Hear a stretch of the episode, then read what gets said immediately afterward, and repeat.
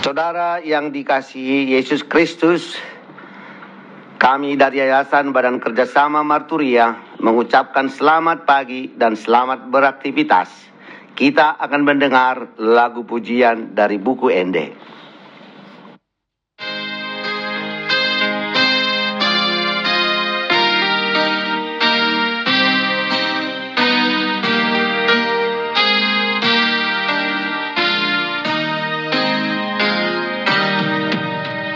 So. soul.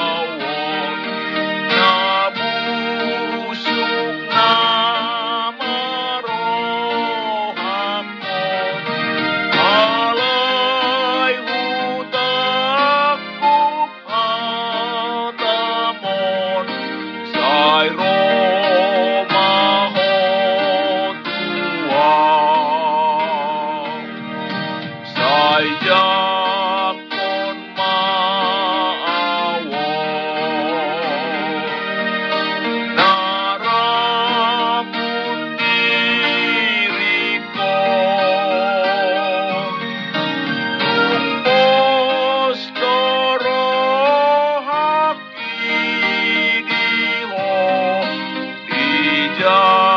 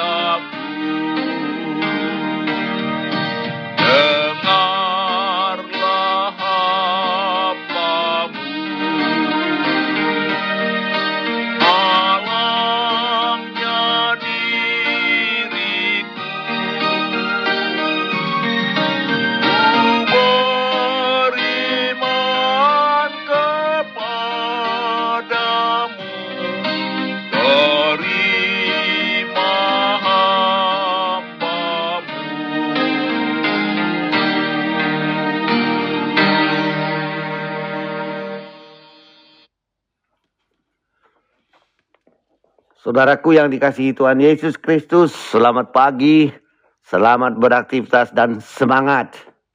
Saudaraku, Sebelum kita mendengar firman Tuhan, kita berdoa terlebih dahulu.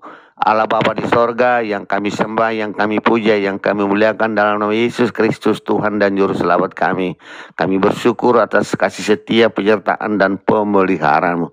Terima kasih Tuhan, kami percaya firmanmu adalah kekuatan dan juga nasihat karena itu kami rindu Tuhan untuk mendengarkan firman Berfirmanlah engkau Bapa kami siap mendengar.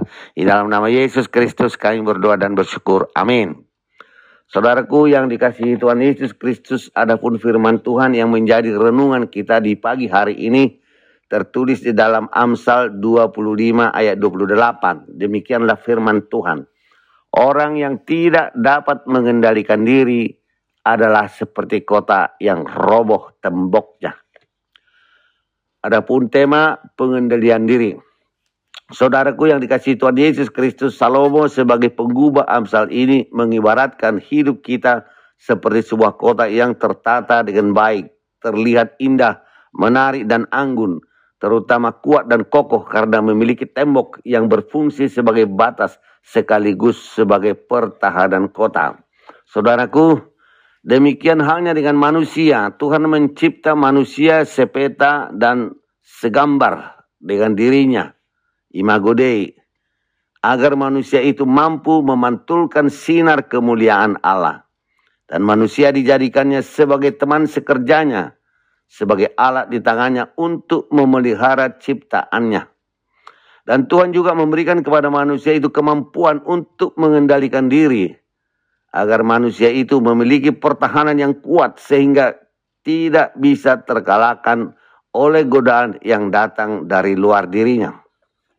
Saudaraku, tetapi sayang sekali manusia tidak mampu mengendalikan dirinya. Dia mau dikalahkan oleh godaan iblis sehingga manusia jatuh ke dalam dosa menjadi seperti kota yang roboh. Akibatnya, kesepetaan dan kesegarannya dengan Allah menjadi hancur Untunglah Yesus Kristus mau tersalib menanggung dosa manusia dan bangkit kembali sehingga manusia yang mau percaya kepadanya beroleh pemulihan. Manusia dimungkinkan memperoleh pengendalian diri. Saudaraku, pengendalian diri adalah ibarat tembok yang berfungsi menjaga hidup dari kehancuran. Pengendalian atau penguasaan diri itu adalah salah satu dari buah roh. Galatia 5 ayat 22 sampai 23 artinya. Agar kita bisa mengendalikan diri maka kita harus mau memberi diri dikendalikan roh Kristus.